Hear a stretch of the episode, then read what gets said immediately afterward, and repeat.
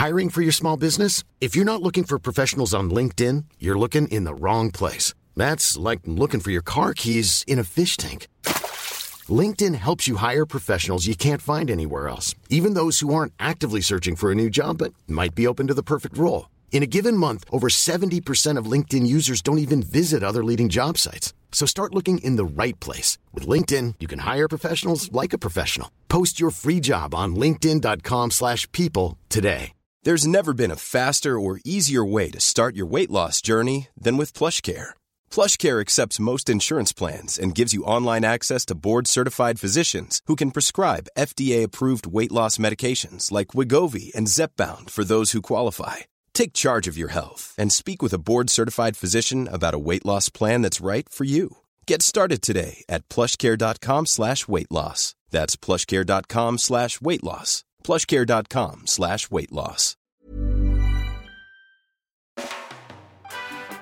Hej och välkommen till den här podcasten som heter I väntan på katastrofen med Kalle och Patrik där du bjuds in att vänta på katastrofen tillsammans med oss. Vilken katastrof kanske du tänker? Jo, katastrofen är... Ja, det vet vi inte riktigt. Vi vet inte ens om den kommer att komma men vi gillar att tänka på att eh, det kan vara bra att förbereda sig inför en eventuell katastrof. Den här podden kommer att handla om prepping, tror vi. I, I en väldigt bred bemärkelse. Det kommer att handla om allt från att eh, lagra livsmedel till att eh, ladda batterier till att se till att ens fru har bra vinterskor i framtiden. Eller hur Patrik? Ja, ungefär så. Kanske lite bredare på eh, ännu bredare än så. Ja. Ja, det kanske blir till och med, vi kanske till och med pratar om elektromagnetiska pulser och hur man klipper ett får. Anledningen till att jag vill göra den här podden är att jag är väldigt intresserad av prepping. Jag har varit det länge. Jag har eh, liksom läst och lyssnat på eh, poddar och kollat på YouTube om prepping i säkert tio år nu. Men är väl egentligen inte någon prepper. Och jag undrar lite varför det är så att jag aldrig får arslet ur att se till att jag är förberedd på olika saker som kan hända. Och det här aktualiserades lite när jag träffade dig Patrik eh, under inspelningen av, av eh, mitt tv-program Hjälp, vi har köpt en bondgård. Du lämnar ju inget åt slumpen direkt. nej alltså det gör jag väl inte. Jag har ju hållit på i 30 år eh, sedan min dotter föddes och eh, jag har ju provat på en hel del under den tiden och lärt mig en hel del framför allt under den tiden också. Så att eh, jag tänker ju på det, det är ju en livsstil om man eh, börjar tänka på det. Va? Det är ju allt ifrån när du åker iväg med bilen när barnen är små till att du ser till att, om det är vinter att ha med dig riktiga kläder i bilen ifall man skulle bli stående eller sådana saker. Ja, för det är ju lätt att tänka att prepping handlar om att ha liksom en massa bilbatterier i garderoben och hundratals kilo med pasta överallt. Men prepping är bredare än så och det, det tror jag att vi kommer att få en smak på under i den här podden. Eh, därför att vi, eh, vi, vi vill inte låsa oss vid att prata om eh, domedagen och zombieapokalypsen utan att vänta på katastrofen eh, kan ju också vara att ha det lite soft. Att vara förberedd gör ju att man ja, men kanske får det lite lugnare och skönare i livet. Jag tror att det är därför som jag tilltalas så mycket av prepping. Jag tror att det är någon typ av kontrollgrej som gör att det känns lugnt och skönt i mig. Och jag tycker också att det handlar om ansvar. Att, att, att jag har ett ansvar gentemot min familj att se till att vi klarar oss själva. Eh, så det tänker jag att den här podcasten ska handla om. Typ. Hur, hur låter det tycker du Patrik? Ja, det låter bra. Jag skulle vilja fördjupa det ännu mer. Det handlar om hur man ser på sig själv. Vem man vill vara också. Vill jag vara en ansvarstagande människa? Eh, många rynkar ju upp på näsan åt det här eh, idag egentligen. Men eh, jag tycker det är ganska bra att det är folk som har med sig sjukvårdsutrustning i bilen till exempel.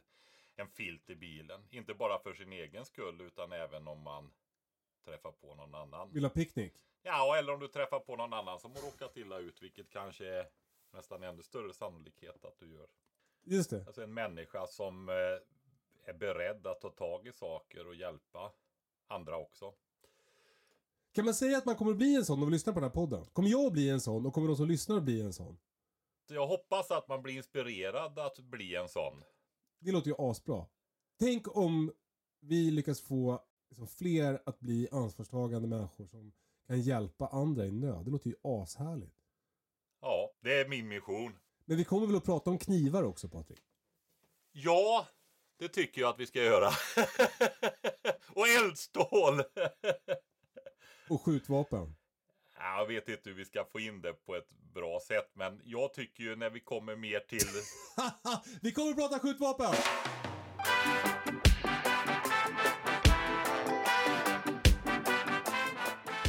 Det visade sig när du var här på besök att du kan ju allt om allt som är viktigt i livet.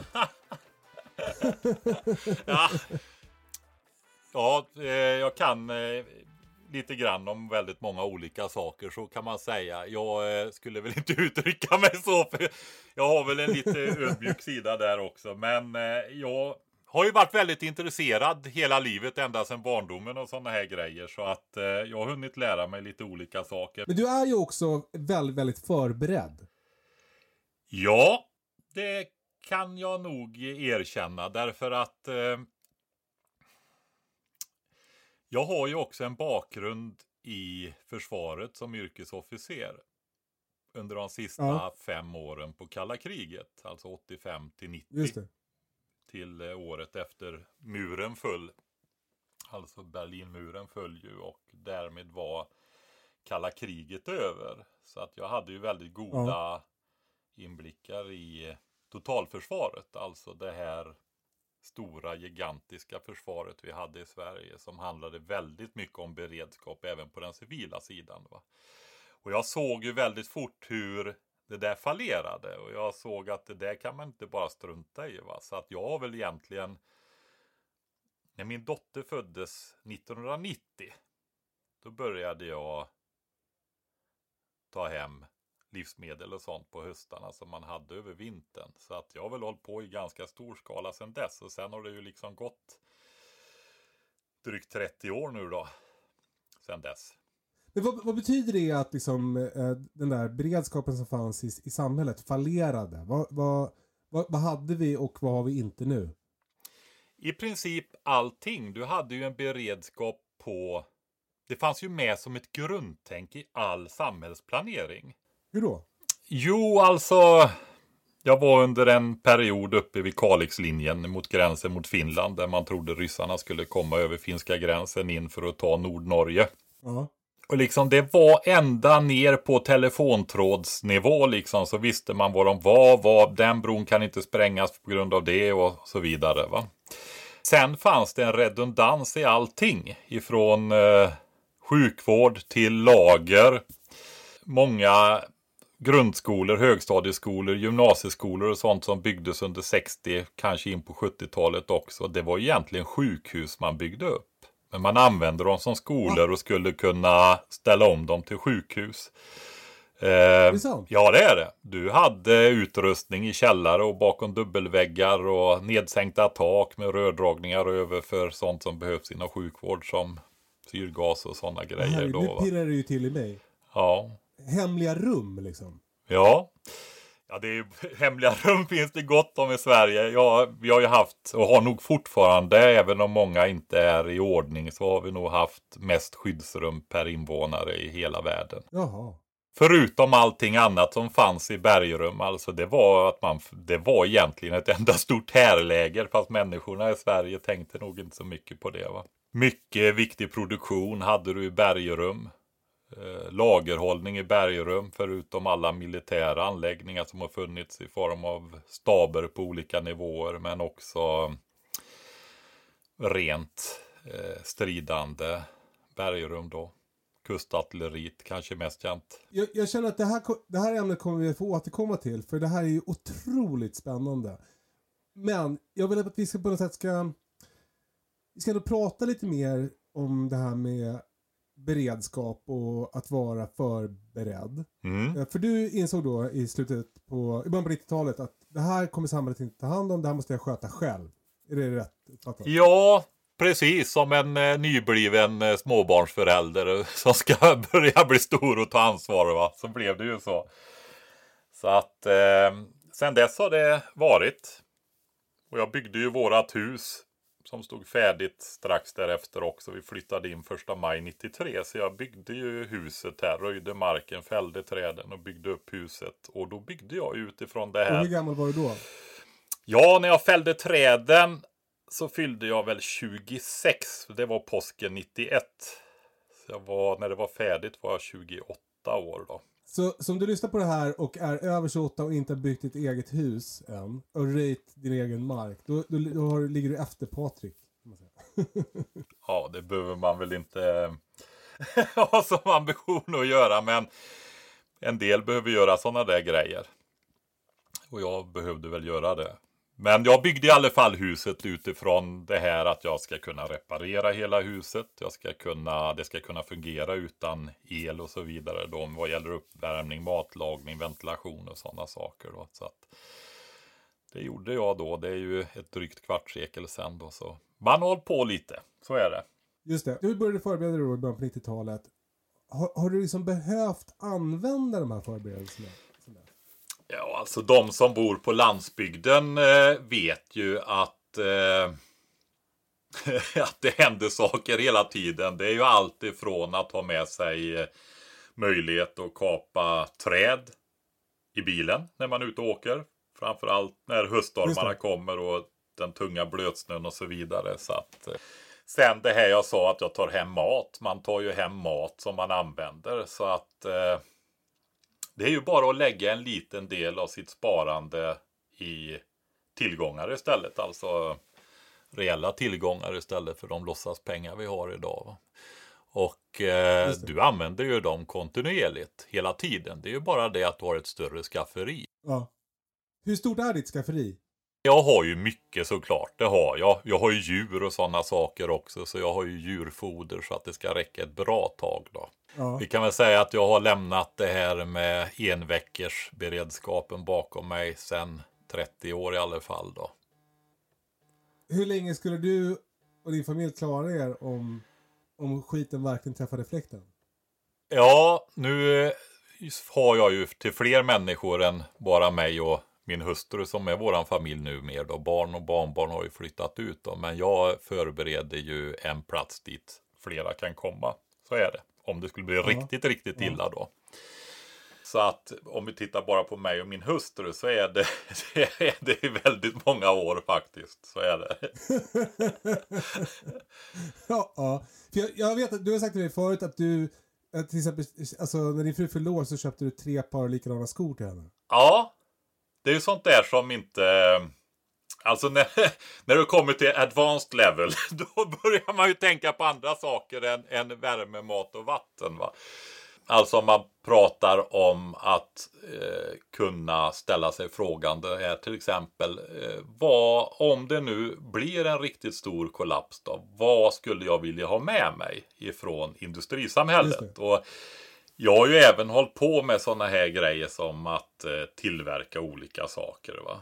Eh, vi är ju vana till exempel vid att kläder och skor är så vansinnigt billiga. Det var de inte när jag var liten. Sen Okej. började, nej men då hade du mycket inhemsk eh, klädproduktion. Bland annat var ju väldigt tungt nere runt Sjuhäradsbygden runt Borås då. Det var ju ett textilcentrum. Men började ju med att det flyttade till Portugal och sen till Asien och då Alltså det är så, och det tar man ju för givet. Men liksom ska du tillverka någonting utav de där grejerna manuellt och själv. Alltså Ja. man förstår att kläder var någonting man var väldigt rädd om förr. Och som gick i arv och så vidare va.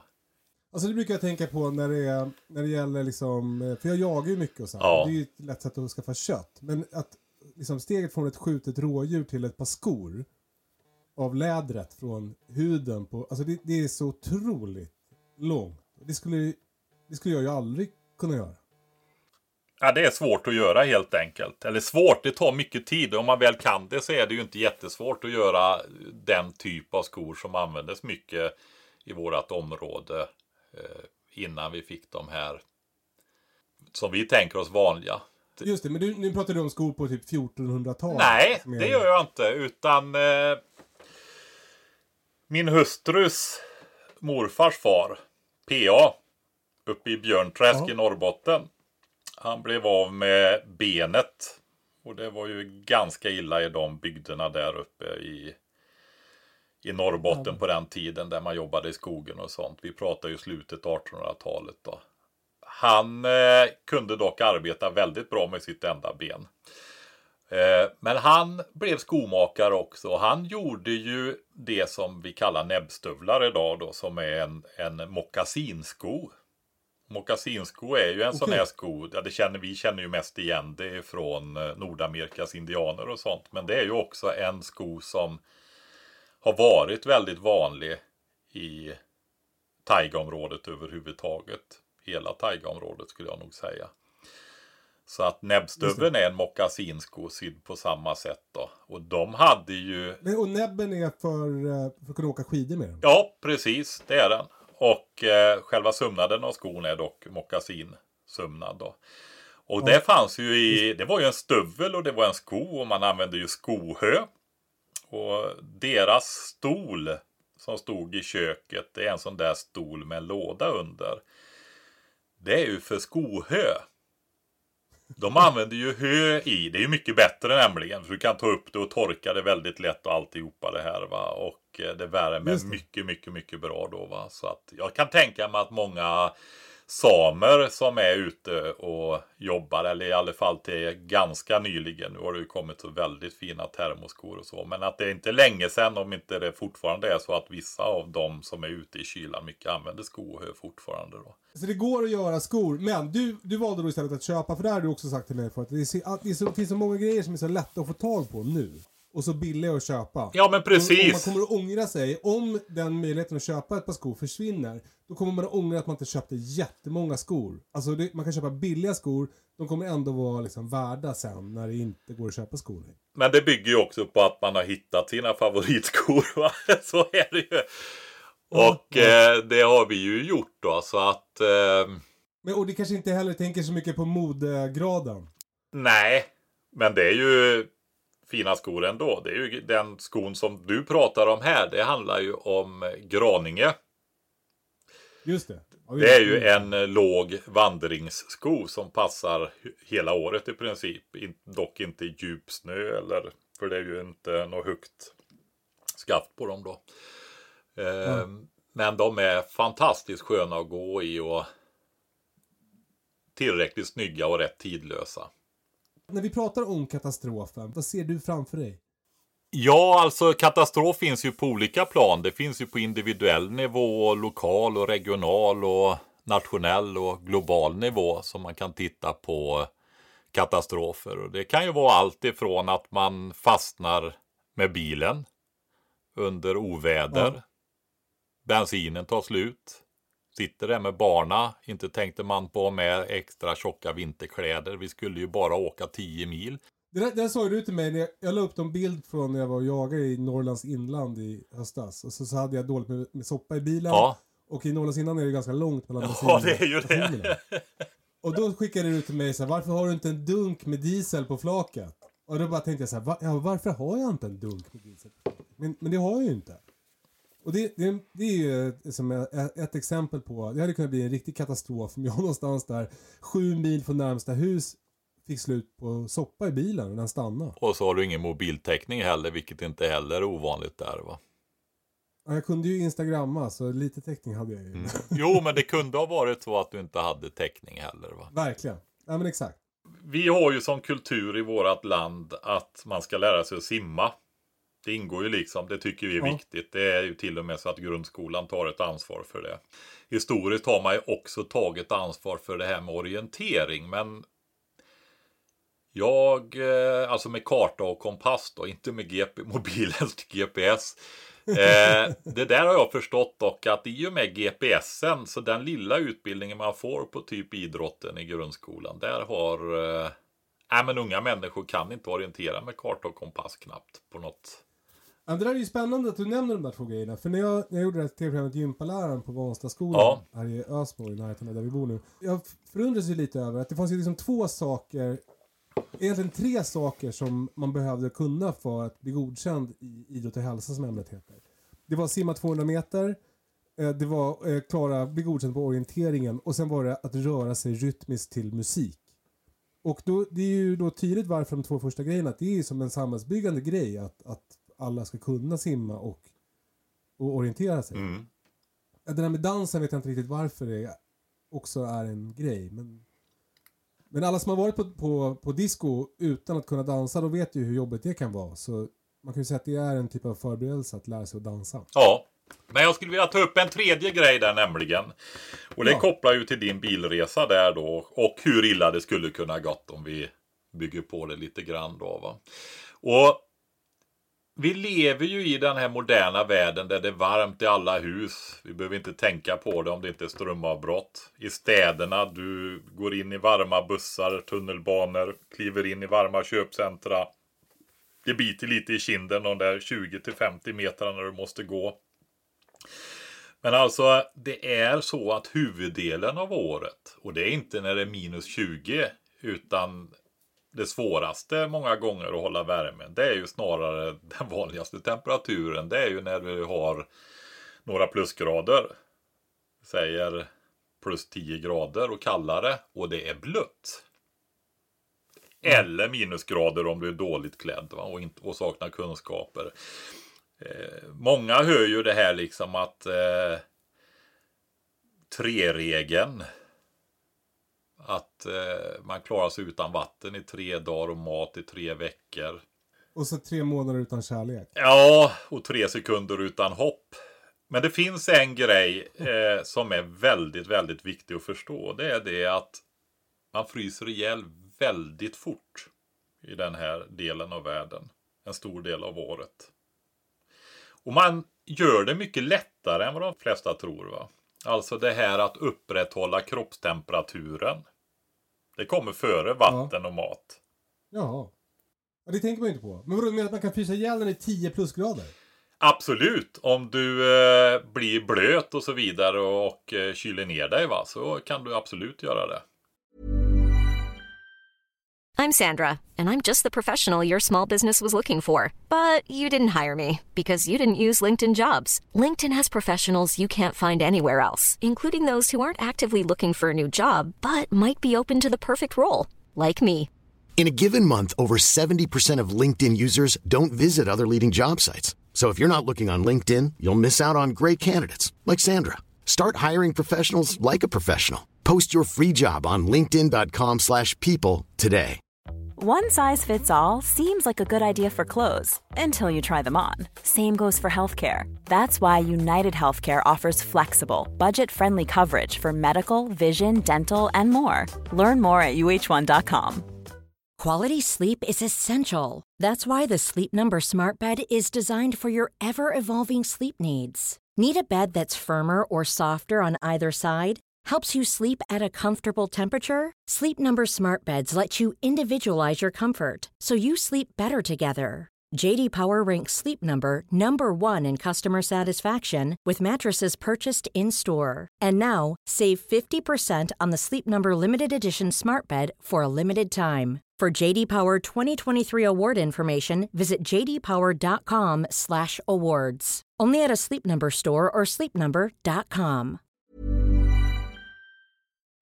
Så att eh, nedkylning och sånt, det var ju någonting som min militära utbildning tog ju väldigt eh, noga.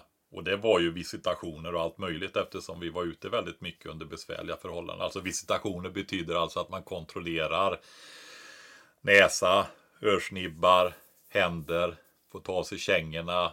Alla låg, en hel pluton ligger på rygg och håller upp bägge benen i luften med bara fötter upp så befälen får gå och kolla att man inte har kylskador.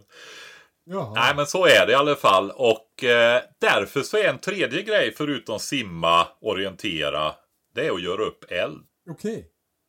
Alltså människor som har levt i den här delen av världen, de har ju klarat sig och kunnat bo i den här delen av världen för att de har kunnat göra upp eld. Va? Just det.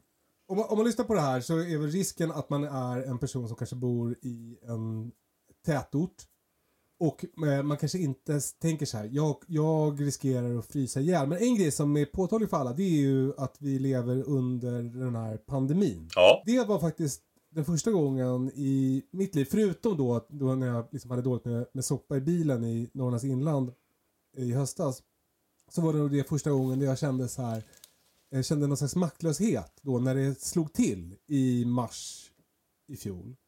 Att jag kände, mm. fan man kanske inte kommer kunna åka och handla.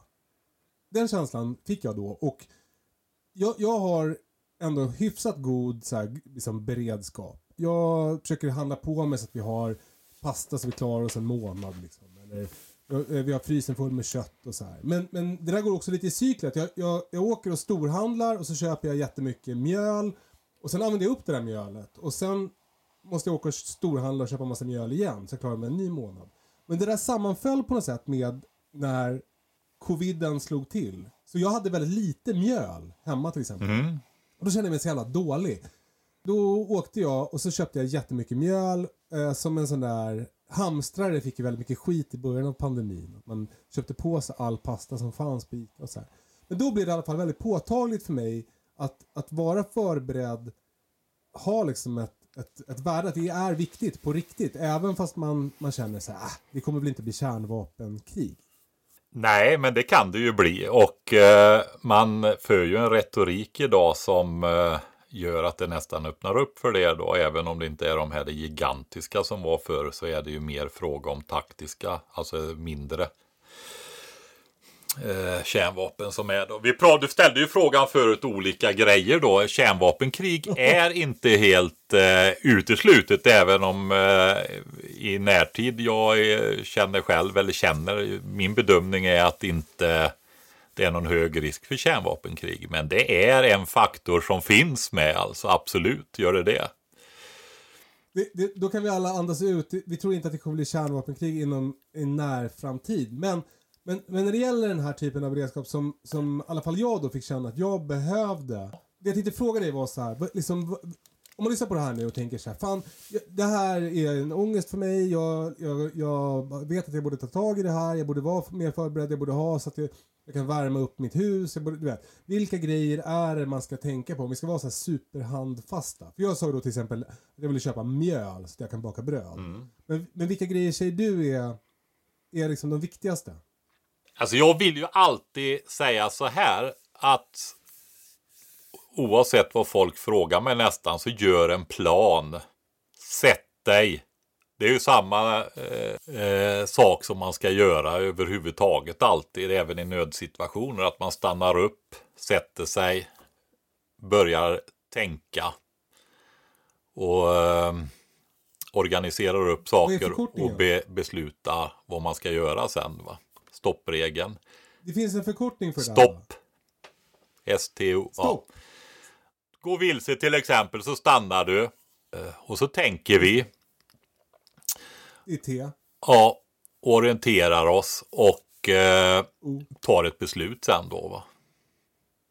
Alltså beslut. Ja. Planera va? Eller? Vad är pet? Ja, planerar. Och det gäller då om man går vilse och även då när, när, när man ska förbereda sig för att klara en pandemi. Det är ju det, eller överhuvudtaget. Eh, det är ju så i vårat land nu om vi tar börjar den vägen då. Om vi, vi väntar med de där konkreta råden först då, förutom planeringen här. Så är det ju så här också att varför? Jo, det enkla svaret är det är det här att det är ingen annan som tar ansvar för din familj. Alltså oh. offentliga sektorn. Nej, egentligen är det inte det. För att Sverige är organiserat utifrån ansvarsprincipen. Alltså det betyder att den som i normalläget är ansvarig för någonting, alltså när saker fungerar normalt, är också ansvarig i krig och kris. Va? Och då är ju den enkla frågan så här, vem är ansvarig för försörjning av mat och vatten och kläder och värme i din familj, Kalle? I normalläget? Uh, det är ju jag och Britta. Ja. Då är det ni som är ansvariga i krig och kris också. De små resurser som finns i offentliga sektorn nu som absolut inte är överdimensionerad. Den behöver ju vara till människor som är utsatt. Så att, att inte förbereda sig det är också en väldigt osolidarisk handling. Därför att... Ja, man lämnar över ansvaret på någon annan? Eller? Ja, och framförallt om du är frisk och, och, och hyfsat normalbegåvad och så vidare så ska du klara av att ta hand om dig själv och din familj. Utan att ta de eh, relativt små resurser som finns då som behövs Det gamla, sjuka och så vidare i samhället. Va? Och eh, Sverige är ganska unikt på det viset och det skrevs om det i olika delar av världen faktiskt. Just det här att myndigheterna gick ut och uppmanade folk att öka sin beredskapsnivå. Det är andra länder i vårt närområde också gjort det men Tyskland och Finland tänker jag på närmast. Eh, men man gick alltså ut och skickade ut den här broschyren och det var en, gav en otrevlig känsla hos många tydligen och det tyckte de inte om. Eh, men eh, det var ju den här Om krisen kommer broschyren från myndigheten från, för samhällsskydd och beredskap då som kom ut. Va? Där man räknar med att människor som är friska och så vidare ska kunna ta hand om sig själva minst en vecka. Och vad behöver man på en vecka då? Ja, när du sätter och gör den här planen där. Så ja. titta över vad du behöver för att klara dig en vecka. Hur ser en normal vecka ut? Hur bor jag? Hur fungerar saker och ting? Och man kan ju börja med de här grundläggande grejerna som skydd då. Vi pratade om kroppstemperatur förut. Och eh, räkna med det här värsta scenariot. Alltså att det inte finns någon ström och det är den kallaste tiden på året. Det är minus 25, minus 30 grader ute. Nu är det ju så att med väldigt lite kunskap så kan man ju faktiskt Ja, ett hus är ju ett bra skydd eller en bostad är ett bra skydd även utan värme mot omgivningarna. Va? Ja. Men man behöver tänka igenom det här och eh, det man ska ha med sig då det är ju att människor alstrar ju värme. Man brukar säga ungefär 100 watt per vuxen. Du skaffa många barn. Ja, är det små barn så genererar de ju inte så mycket värme. Det är ju en vuxen som har förbränner mer då. man, får, man får mata dem med mycket pannkakor som växer. Ja, precis, precis. Men samtidigt om du är ett mindre utrymme i huset. Går in, eh, gör, tar ett mindre rum. Just det. Och så eh, hänger, drar du ner persienner om du har det. Du hänger för grejer för fönstret så du skyddar. Det är ju fönstren och ventilationen som kyler mest. Samtidigt är man många människor i ett litet rum så får man ju se upp med det här så att du inte får för lite syre i rummet. Speciellt om du dessutom eldar med någonting. Det. Ehm, så det behöver man ha väldigt koll på. Ehm, det är en sak jag tror kan bli problem om det skulle bli verklighet i lite större skala. Det där just att eh, finns risk för kolmonoxidförgiftning. Det kommer nog vara mer än en som drabbas av det i en sån situation. Du vet när man har fotogenkaminer i 8 kvadratmeters rum till exempel va? och ja. stänger till allting för att hålla värmen. Det. det. är väldigt, väldigt viktigt att man ventilerar och det gäller ju även när du eldar med värmeljus och sådana saker också. För, för övrigt har ganska eh, god effekt. Då. Tre värmeljus kan man väl synonymt ungefär med två vuxna människor och skapa värme, alltså ett par hundra watt. Mm. Så... Alltså, jag, jag, jag, känner att vi kommer få återkomma till alla de här grejerna under den här podcastens mm. gång. Jag tänkte vi ska prata noggrannare om det.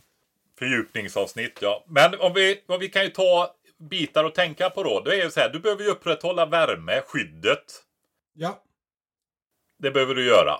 Och se över det. Man kan ha varma sovsäckar och så vidare och allt möjligt som man gör. Man kan till och med ha ett litet tält inne i ett litet rum för att skapa ytterligare en liten luftvärmemängd där man kan höja temperaturen några grader till. Det är mysigt också som en koja. Ja, precis. Och sen eh, vatten. De flesta tänker ju på mat och toapapper verkar det som. Ja. Men vatten. Det är ju så här att efter tre dygn utan vatten så ja, du dör kanske inte direkt men du kan få allvarliga njurskador. Och vatten är ju också en förutsättning för att eh, hygien, tvätta sig. Det. det. är också en förutsättning många gånger för att laga mat, koka din pasta till exempel. Alltså vatten kan man väl säga är ett väldigt bra exempel på det här. Att det är väldigt lätt att få tag i det nu. Ja, Men om, om man inte kan få tag i det så blir det otroligt jobbigt. Så därför är det ganska suktigt då att, att skaffa det nu medan det är enkelt. För nu kommer det i princip hur mycket som helst ur kranen. det är ju många som eh, tänker det där att ja, men vi har ju en grävd brunn och så vidare. Eller jag har ett elverk och en djupborrad brunn och sådana där saker. Alltså, just att vara utan vatten är ju extremt, extremt jobbigt.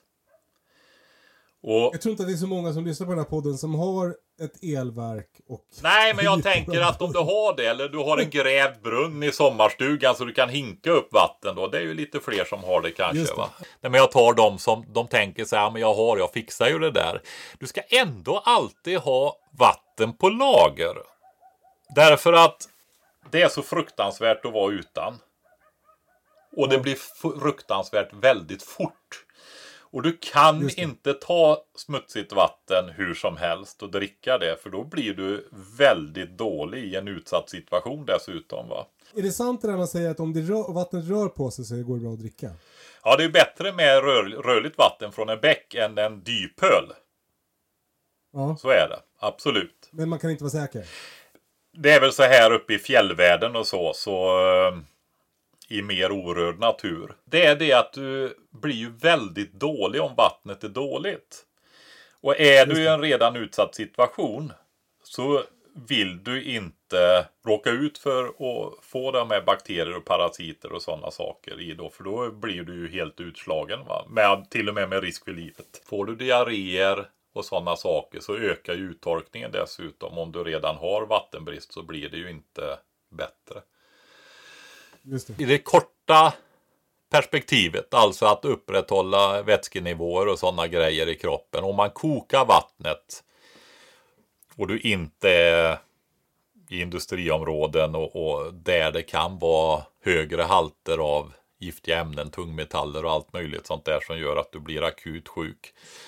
Så i naturen i en nödsituation, om du kokar vattnet så är det hög sannolikhet att det går bra att dricka det alltså. Men eh, du förespråkar ändå att man har ett lager hemma. Hur, hur, stort, hur stort lager ska man ha? Det är ju det att man, det beror ju på utrymme också och förutsättningar. Har du, bor du i en lägenhet till exempel så ehm, man brukar ju säga absoluta miniminivån är 3 liter per person och dygn. Och det är väldigt lågt om du ska göra både hygien, matlagning och dricka vatten då. Va? Så att eh, Man ska ha en liter vatten per 100 gram pasta när man kokar. Så det blir ju väldigt lite pasta då. Ja, men det pastavattnet slår du ju inte bort sen. Det blir ju varm buljong att dricka sen för att hålla värmen där också. Vet du. Så att du slår ju inte bort något vatten som man brukar göra. Ja, just det. Men du, eh, för du sa ju till mig, jag, jag har ju nu mer vatten lagrat. För, eh, för att du sa åt mig att jag måste ha det. och då, då, så, då var jag ju köpte då på Biltema 20 liters dunkar. Mm. Som jag fyllde med vatten. Eh, och du sa åt mig att jag måste ha minst två veckor. Så jag, jag har, eh, och räknar då på en sån här dunk om dagen för min familj. Och jag har ju också till exempel hundar och, och så vidare. Mm. Som behöver vatten. Eh, så, så jag har 20 liter vatten om dagen i 14 dagar. Mm.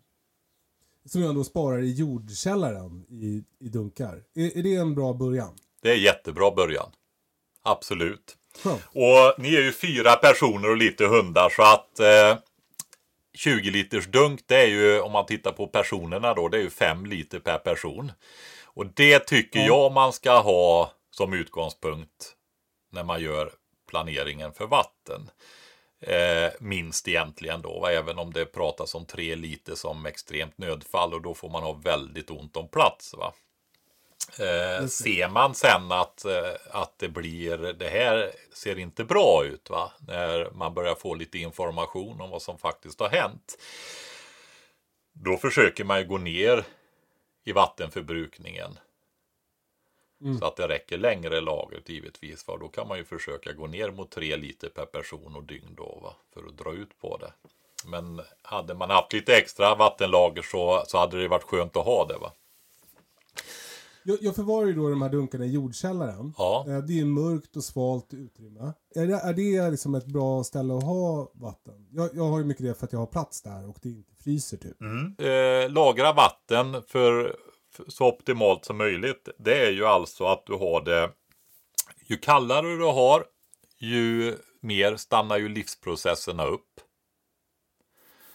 Alltså ju mindre delar sig bakterier och svampar och sådana saker. Mögel. Som finns i vatten. Ja, som finns. Jag tänker rent generellt även vid eh, förvaring av mat eller överhuvudtaget. Då, va? Livsprocesserna stannar ju upp om det blir kallare. Är det mörkt så eh, blir det ju svårare för vissa typer av alger och sånt. Men sen finns det andra alger som kan tillväxa i mörker också just med vatten som specialfall då va? som inte är så hälsosamma. Så att det är ju, har man kommunalt vatten då har du ju oftast eh, det är ett renat vatten och sen är det ju oftast eh, mindre mängder klor och så vidare i det också då, eller andra liknande ämnen som som tar död på eh, det som kan vara giftigt för oss då i vattnet. Så, så kommunalt vatten är bra för lagring? Ja, det är det. Oftast är det det. Eh, nästan alltid. Hur, och hur länge kan man lagra vattnet då? Alltså har du kommunalt vatten så kan du ju lagra det väldigt länge. Eh, och jag skulle väl säga så här att eh, det är ju bra. Det, det är ju en sån där vanlig fråga har jag förstått i preppergrupper och sånt där på Facebook och så. Och det finns ju rekommendationer att byta ut vattnet vid storhelgerna. Alltså du har ju Ja. eh, midsommar och sen har du ju midvinter och jul då. Då blir det en gång i halvåret. Och då är du verkligen på en, eh, en säker sida. Speciellt om du förvarar det mörkt och eh, svalt dessutom. Va? Jag gör inte det själv. Jag har för stora lager för det. Eh, Patrik, jag hade ju tänkt att den här podden skulle bli ungefär en halvtimme lång. Nu har vi pratat i 50 minuter, såklart. Det visste man att det skulle bli. Men jag tänker... Ja men vi får Jag- jag avsluta att vi det ska där du sa i alla fall, med, med planeringen där. Om vi tar och avverkar det då. För nu har vi ju kommit till skyddet.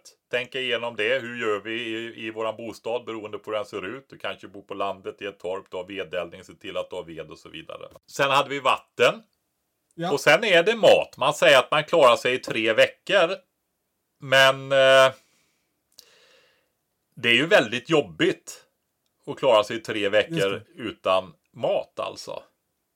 Eller även en vecka är det. Speciellt om du är i den situationen att det kanske är två vuxna och ett litet eller ett par små barn. Va?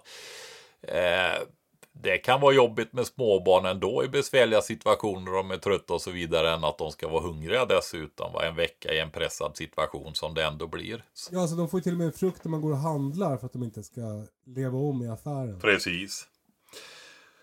Men sen eh, förutom eh, skydd, alltså värme eh, i en bostad i första hand och vatten, mat så har du ju andra saker också. Hur ska du få reda på vad som har hänt? Information. Där brukar man ju prata om att man ska ha i alla fall en, en radio så att man kan lyssna på P4. Lokala sändningarna då. Så man får information. Som går på batteri eftersom strömmen kanske har gått va. Just det. Kanske med vev. Men du Patrik, då ska vi börja avrunda tycker jag. Ja, Vi kommer gå in på alla de här grejerna noggrannare i framtida avsnitt av den här podden. Men jag tänker att vi ska skicka med folk en utmaning och då, då tycker jag vi väljer vatten. För jag tycker att det är så jävla tydligt och enkelt att ta tag i. ja. Tänk fem liter vatten per person i hushållet och du ska kunna klara dig i två veckor. Så får du själv räkna ut med hjälp av miniräknaren i din telefon hur mycket vatten du behöver. Fundera var du kan ställa det där det är helst mörkt och helst lite svalt. Eh, är det bra om det fryser? Man kanske kan ställa ut det nu bara. Ja, det kan du göra, men tänk då på att det sväller. Det gör ingenting om det står i ett förråd, kallförråd där det fryser, men det sväller som sagt var, så att då får du lämna mer utrymme, eh, tomluft i det om det ska frysa. det. Men så börja där och eh, hoppas ni vill följa med oss på den här resan där vi ska försöka eh, bena ut vad det är att vänta på katastrofen och hur man kan göra för att förbereda sig. Om ni vill ställa frågor till oss så sök upp oss på sociala medier och skicka DMs. Eller mejla, jag skriver mejladress någonstans antar jag. Har du något mer Patrik? Nej, jag har smabruk.se och du har... Eh, Kalle Wahlström. Vad kul att vi äntligen är igång Patrik. Det är så härligt att få, få lära mig om sådana här saker av dig. Ja, det är väldigt roligt. Vi har ju pratat om det här länge och göra det här och eh, det var väldigt skoj Ja. att vi kom till skott. Vad mysigt. Skicka gärna frågor. Det tänker vi ska vara liksom en, en återkommande punkt i programmet där vi, eller ja, mest Patrik då, svarar på era frågor. Det kan vara allt som har med beredskap att göra. Allt från vattenrening till solceller till plantuppdragning till tuppslakt. Väl. De får väl prova och fråga om vad som helst får vi se om vi kan svara och sen ska du inte underdriva din egen betydelse. Nej, okej. Eh, kul att ni ville lyssna. Eh, vi hörs igen. Är det en gång i veckan eller Patrik? Ja, vi kör på det. Kul! Ha det så bra. Hej då! Hej då!